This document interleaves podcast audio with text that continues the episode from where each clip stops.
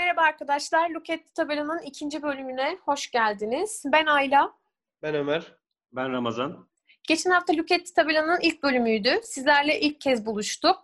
Açıkçası bizim için ilk deneyimimizdi ve aldığımız feedbackler bizi çok mutlu etti. Hatta hiç olumsuz bir yorum almadık. Bu da bize daha fazla motivasyon olarak geri döndü. Teşekkür ederiz güzel yorumlarınız için. Bu hafta Trabzonspor Galatasaray maçını konuşacağız. Ömer söz sende. Şimdi şöyle genel olarak değerlendirirsek bir derbi için Galatasaray genel olarak iyi oynadı bence. Yani derbilerde şunu an- görmek lazım. Hele hele deplasman takımıysanız bir deplasman takımı çıkıp oyunu tamamen dikte edip 4-5 gol pozisyonuna girecek, rakibe hiç göz açtırmayacak.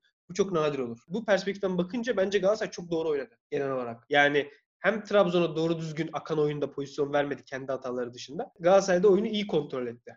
Çok fazla gol pozisyonuna girdik mi? Hayır. Zaten deplasman takımısın. Birkaç tane giriyorsun, atıyorsun. Sonra da oyunu tutuyorsun. Şimdi iki tane önemli notum var. Bir, Galatasaray 0-0 oynarken rakip önde bastığı zaman çok basmadılar. Kara gümrük gibi daha ziyade ortada durdular. Ortada kalabalık, merkezi kalabalık tutmaya çalıştılar ve ikinci bölgede yoğunlaştılar. Onu doğru yaptılar. Yani Galatasaray'a basmak hata. Galatasaray önde basarsanız cezalandırabilir sizi. Fakat Galatasaray topla çıkarken şeye dikkat ettim. Yani birkaç pozisyonda Arda Emre yeterince gelmediler. Şimdi Galatasaray'a çıkarken düşünün. Herkes zaten marke pozisyonunda oluyor. Orta sahadaki. Orta sahadaki herkes marke oluyor. Stoperlere de birileri bakıyor. Dolayısıyla Galatasaray'ın çıkabilmesi için Emre Kılınç ve Arda Turan yani o kanatlarda kim oynuyorsa kanat forvette onların gelmesi lazım. Çıkışlarımızı o kadar beğenmedim mesela. Yani sürekli bir önde baskı ve sürekli bir çıkma çabası olmadı maçta. Ama birkaç pozisyonda onu beğenmedim. Ee, ikinci notum da şu.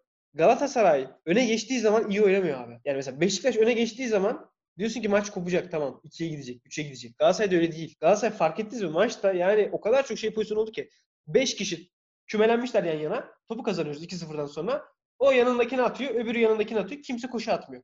İleri gitme şeyi yok. isteği yok, arzusu yok. Yani Galatasaray kontrollü oyunu, hani oyunu öldürmeyi yanlış anlamış. Oyunu öldürmek şey değil. Sağıma atayım, o bir sağına atsın, o soluna atsın. Şimdi böyle yaptığın zaman aslında aksine şunu yapıyorsun. Senin sahanda kümelenmiş oluyor oyun. Yani Trabzon zaten senin sahanda bastırıyor. Sen topu aldıktan sonra oyunu açacaksın. Karşıya doğru gideceksin. Trabzon'u geri koşturacaksın. Biz aksine kaç tane pozisyonda bu oldu ya? Kaç kere sizle de konuştuk. Yani Galatasaray öne gitme niyeti yok. Galatasaray öne gitmediği için de baskıda kalıyor. Baskı yemiş oluyor. Yahu 2-0 öndesin. Rakip takımın zaten savunması kötü ve iyice açılmışlar. Niye gol atmaya gitmiyorsun? Bak geçen yıllardaki Galatasaray'ı hatırlarsanız Galatasaray öne geçtiği zaman 3'e 4'e giderdi maçlar. Geri Rodriguez veya e, Onyekuru varken. Şimdi Galatasaray'da o büyük bir problem bence. Yani Galatasaray öne geçtiği zaman da şey yapmıyor. 3'e 4'e götürmüyor. Öldürmeye çalışıyor. Öldürmesi de boş paslaşmalardan ibaret. Bu kadardı benim yorumum. Kimse girmedi şaşırdım. Dersine iyi çalışmışsın o yüzden kesmedik. Teşekkür ediyorum. Senin övgün önemliydi. Yani bence biraz bilmiyorum. Oğlum not çıkardım. Not. Maçı e, not tutarak izliyorum. Böyle bir şey var Kardeşim mı? biz kardeşim biz maçı not çıkarmamıza gerek kalmadan izliyoruz. Dur sen yorumlayınca Kafamızda. anlayacağız onu. Kafanda, kafanın nasıl yorumladığını anlayacağız şimdi. Hadi Ayla geçsin. Ayla sendeyiz. Son yıllarda izlediğim Galatasaray-Trabzonspor maçları arasındaki en sakin derbilerden de iki tarafta kontrollü başladı. E, bunu açıkçası beklemiyordum. Çünkü son yıllardaki derbileri de düşündüğümüzde Galatasaray erken gol yiyordu bir de. Onun dışında ilk 15 dakika topun hakimiyetine çok güzel sahip olduk. Sonrasında bir eşitlendi. Trabzonspor'da oynamaya başladı. Yani Fegoli'nin çıkışından önce benim dikkat çekmek istediğim bir kısım var. 25. dakikada Okan çok güzel bir Muslera kurtarışı yaptı. Aslında o gol olsaydı çok farklı bir maç izleyebilirdik. Yani bilmiyorum siz böyle düşünüyor musunuz ama onun dışında bir de ikinci yarıya dair çok bir şeyin yok. Ama e, ilk gelen golün çok çalışılmış, üstüne düşünülmüş bir gol olduğu belliydi. Ayla ilk golle ilgili Ramazan diyor ki o gol Belhanda'nındır. Ne diyorsun? Haklı Ramazan. Yani adam Nasıl haklı sen? Sahada- Dalga mı geçiyorsun? Belhanda Haklı. orada asistin, asistinin, asistinin, asisti. ya yapması gerekeni yaptı. Yani belli ki hoca Belhanda üstünden çalıştırmış o pozisyonu. Ya yapma kardeşim. Bu kadar Belhanda övücülü olmaz. Kes, Nasıl belli ki kes. oradan şey yapmış. Burada Hakkı'ya hakkını veriyor. Ayla teşekkür ederim. Kere övmüyorum bak. Evet Hakkı'ya hakkını veriyorum. Yani Aynen. o oyun Belhanda sayesinde oldu. Onun üstünden gitti. Hakkını vermemiz gerekiyor. Şuna katılıyorum. O gol Belhanda sayesinde oldu. Çünkü o organizasyonda organizasyona sıçabilecek tek adam vardı. O da Belhanda'ydı ve sıçmadı. O yüzden o gol Belhanda sayesinde olmuştur. Abi bak bu maç Belhanda size de söyledim. 3 kere oldu galiba bu. 3 saydım not da aldım. Trabzon'un toplam 4 tane mini gol pozisyonu falan var. 4 gol pozisyonundan 3'ü Belhanda yüzünden. Ya aptalca bir pas hatası yapıyor topla çıkarken ya topu ayağında geveliyor çıkarken kaybediyor. Trabzon'da biz çıkamazken yani çok tehlikeli bölgedeyken top aniden topu kazandığı için bizim kalemize geliyor. Gollük pozisyon oluyor. İlk yarı 10. dakikada Canini'nin savunma arkasına çıktığı pozisyon aynı şekilde. Bir de bak Belhanda şunu da yapıyor. Biz mesela yerleştik diyelim. Hani topla çıkarken düşünmeyin. Yerleşti. Galatasaray yerleşti. Set ucumunda 3. bölgede. Pas yapıyor. Şimdi orada da hata sonlandıramadığın zaman yani Belhanda'nın yaptığı gibi bir böyle bir tembel bir pas attığın zaman yine kontratak olarak dönüyor. Yani bu oyunun panzehiri o. Yani bu oyunun en zayıf noktası o daha doğrusu. Galatasaray yerleşmişken aniden kaptıracağı bir topla yiyeceği kontra. Ramazan'ın da genel değer, maç değerlendirmesini alalım. İlk golü konuşurken hem Arda'yı hem Oğulcan'ı hem Emre'yi hem de Belhanda'yı kendi içinde konuşabiliriz bence. Şimdi şöyle ben genel olarak oyunu beğendim. Onun nedeni de şu. Galatasaray bir 15 dakika fena olmayan bir şekilde rakip sahaya yerleşti ve %79 oranında pas isabeti vardı 15. dakikanın sonunda. Ben şey fikrine katılmıyorum. Yani Ömer Bayram'ın gelişi tabii ki takımın pas yapabilme kapasitesini azalttığı için tabii ki daha dominant bir oyun oynamasını engellemiştir. Bunda Trabzonspor'un da etkisi var. Yani futbol sonuçta rakiple oynanan bir oyun. Ben o yüzden iki taraflı yorumluyorum onu. İlk yarıda benim en çok gözüme çarpan şey abi Galatasaray'ın Vaka, Envakame'ye aldığı tedbirler. inanılmaz. Yani Omar'ın sarı kartı da, Taylan'ın sarı kartı da birebir Envakame'ye alınan tedbirler yüzünden. İkisi de bence biraz gereksiz yani. Ama sanırım rakibe çalışılmış Demişler ki ulan bu Trabzon'da herhalde tek Vakayeme gol atabilir evet. bize.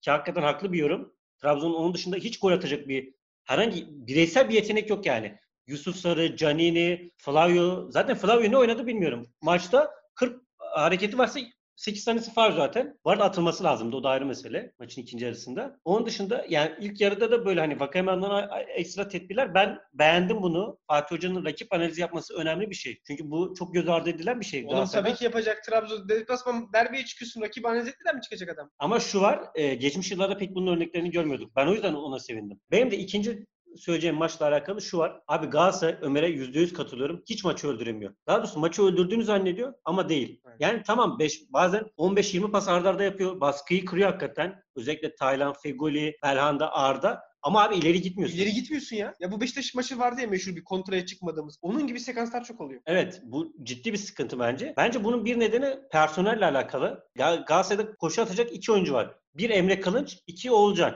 Emre de atmıyor kadar. Ha Emre'nin de sıkıntısı şu abi. Emre hızlı değil. Ve yoruluyor yani, zaten. Evet. Yorulmuş. Emre zaten saha içerisinde, maç içerisinde çok proaktif olduğu için o koşuya atacak hakikaten mecali kalmıyor. Üçüncü adam Ömer Bayram. Yani böyle bir kadroda. Bu bence ama çözülebilecek bir şey. Şöyle ben Onyekuru transferinin bunu çözeceğini düşünüyorum. Yani Onyekuru tarzı bir adam bu genel sıkıntıyı çözer. Maçla alakalı gözüme çarpan şeyler bunlar. Bak bu maç şunu gösterdi bence. Senin e, Onyekuru demişken aklıma geldi. Galatasaray'ın hakikaten de iki tane adama ihtiyacı var bence. 6-8 yedekleyecek bir adam ve sol açığa koşucu bir sol forvet. Çünkü mesela bu maçta Feguli çıktığı zaman şunu diyemiyorsun. Aynı oyunu sürdürebilecek bir adamın yok. Yani o pas oyunu gitti diyorsun. Tamam bitti şu an paslaşamayacağız. Seri olsa 6-8 yedekleyen Feguli çıktıktan sonra seri girer. Yine o pas oyununu oynarsın. Galatasaray'da birinci sıkıntı bu. İkinci sıkıntı 1-0 öne geçiyorsun senin için faydalı bir şey olmuyor. Onyekuru da bunu çözer. Ben diyorum ki biz 3 tane transfer yapalım. Onyekuru seri. Seri olmak zorunda değil. Ben maliyeti düşük ve yapılabilir diye diyorum. Bir de Kenan Karaman. Bence stoper takviyesi de şart yani. Çünkü yedekleyecek sadece Donk veya Luyendama. Marka kesin oynuyor zaten.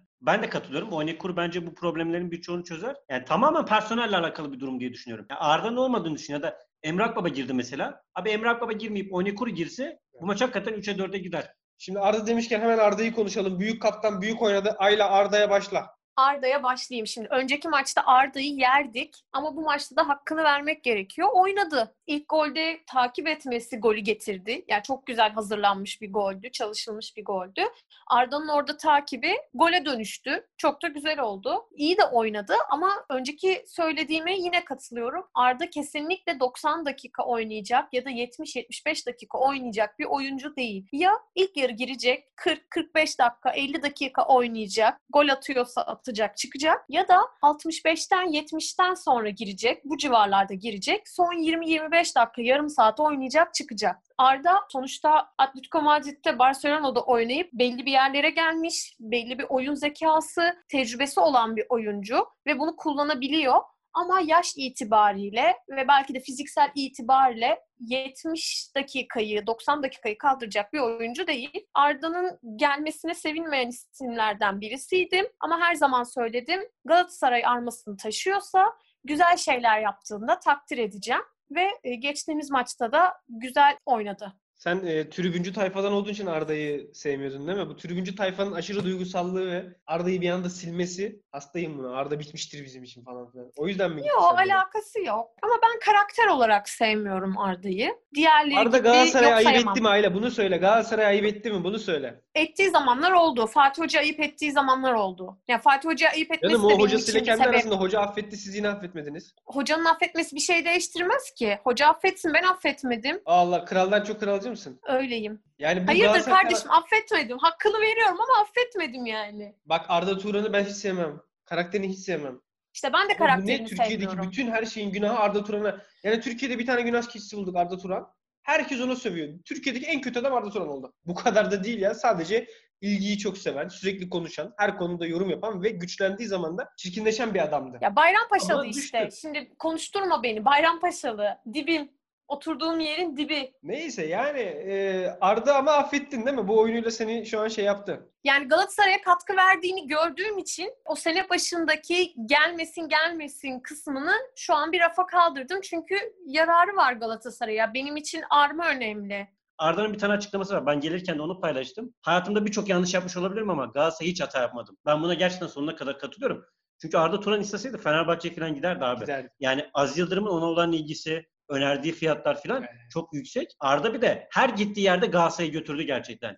Ee, Arda Turan gelmeden önce biz seninle konuşuyorduk. Benim arkadaşlarımla en çok kavga ettiğim iki adam vardı. Bir Arda, iki Cagne. Dedim ki ben bu ikisi de bu yıl göreceksiniz farklı oynayacak. iyi oynayacaklar. Arda Turan beni yanıltmadı.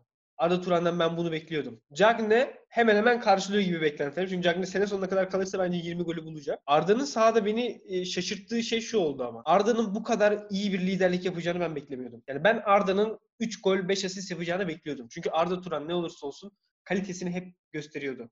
Abi kalite diyorsun zaten Türkiye'deki en kariyerli adam. Yani biz Falcao'lar, Diego Perotti'ler falan konuşuyoruz. Jose Sosa'lar da Evet. kimse 41 milyon euroya Barcelona'ya gitmedi. Dediğim gibi Atletico Madrid, Barcelona yani bunlar boru değil, futbolu götüren takımlar bunlar. Orada oynayıp da futbol zekası, futbol tecrübesi olmama ihtimali olamaz. Mental olarak e, sahada çok güzel liderlik ediyor. Bundan birazcık korkuyordum. Hatırlarsanız Snyder'in olduğu, Drogba'nın olduğu, Melo'nun olduğu zamanlarda yerli yabancı oyuncu sıkıntısı, aradaki çekişmelerin olduğu sıkıntıları da yaşadık biz. Arda geldiğinde böyle bir şey olur mu diye tereddütte kalmıştım. Ama tam tersini gösterdi şu an. Yanılttı yani beni. Yabancı oyuncuların da Arda'ya saygısını gördük. Belhanda saha içinde eğer daha zapt edilen bir karakter olduysa saha içinde artık beni daha az korkutuyorsa bunun birinci faktörü Arda'dır. Yani Belhanda Evet. eskiden sarı kart yediği zaman ben eyvah diyordum. Bir şeyler saçmalayacak, kırmızı yiyecek. Şimdi Arda oradayken Belhanda çok daha şey, çok daha stabilleşti. Farkında mısınız onun? Yani o Belhanda'yı falan yönetmek de kolay değil ha.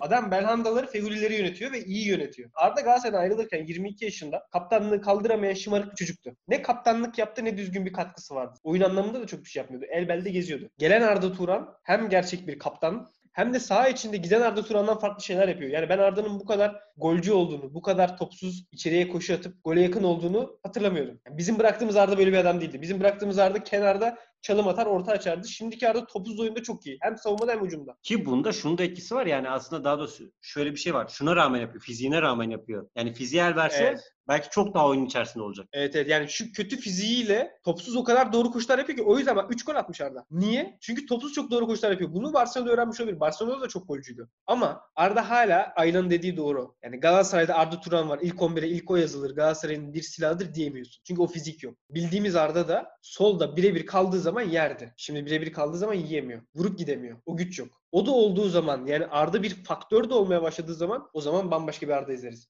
Ki Arda gelmeden önce ben röportajını izlemiştim. Ben abilik yapmaya gelmiyorum demişti. Oynamaya geliyorum. Ben bu ligin en iyi oyuncusuyum dedi. Hani sistem insanı değerleştirir ya. Mesela bir sistem içerisinde Oğulcan Çağlayan çok değerli bir oyuncu ya da Taylan Antalyalı. Arda Turan sistemin belki de biraz işlemesini sağladı bu konuda. Ben buna yürekten inanıyorum. Geçen hafta 15 dakika Oğulcan övdük. Bizi dinleyen 40 kişi yanılmadı. Bir- 103 kişi kardeşim. Ve Oğulcan inanılmaz bir performans sergiledi. Bak 10 dakika övdük adamı. Ertesi hafta maçın adamlarından biri oldu. Sen ne diyorsun hala? Onu, o, Oğulcan'ı biliyorsun. Oğulcan'ı sana sormayı seviyorum sen. Tabii ki de Olcan'ın konuşmaktan mutluluk duyuyorum. Ya aslında çok konuşulacak bir şey yok ama şuradan değinmek istiyorum.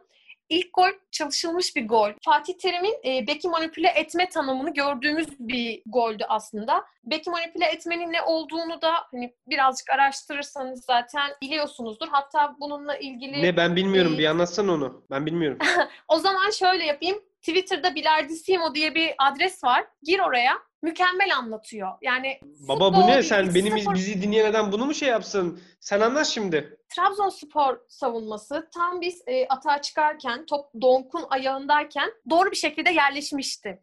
Donk ayağından topu Omar'a çıkardığı anda Bek Omar'a doğru hareket etti. Emre Kılınç da oradan direkt boş alana doğru yöneldi. Orada işte Bek'i e, manipüle etmiş oldular. Fatih Terim'in çalıştırdığı taktik buydu. Bu kadar mı? Bu kadar.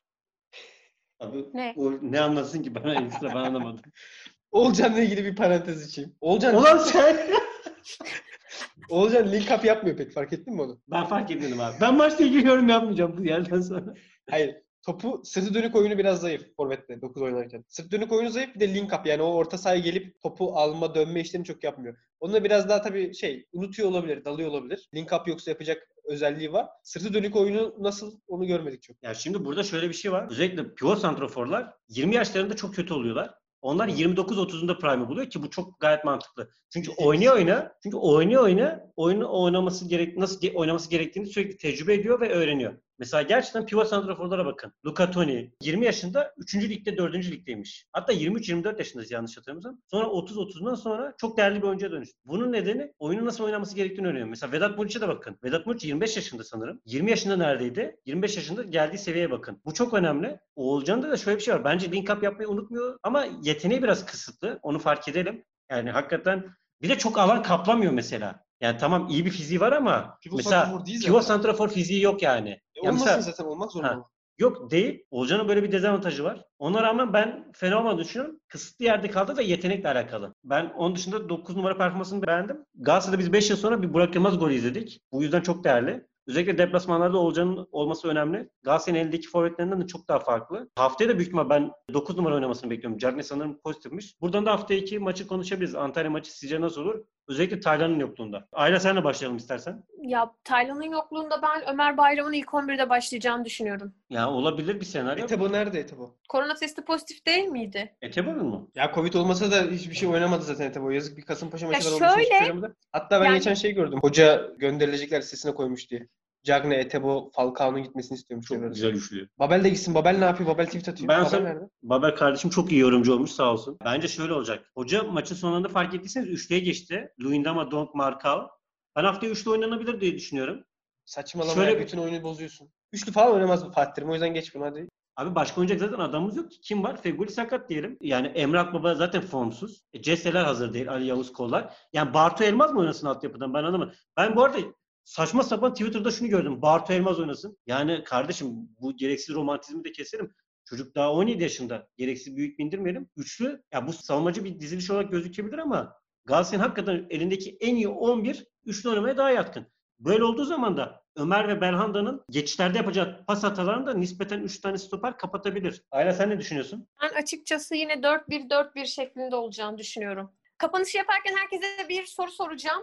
Tek cevap alacağım. Sonrasında da e, dinleyicilerimize hoşça kal diyeceğiz. Pozisyon penaltı mıydı değil miydi? Ömer, Yüzde bir milyon penaltı. Ramazan, Bence de penaltı.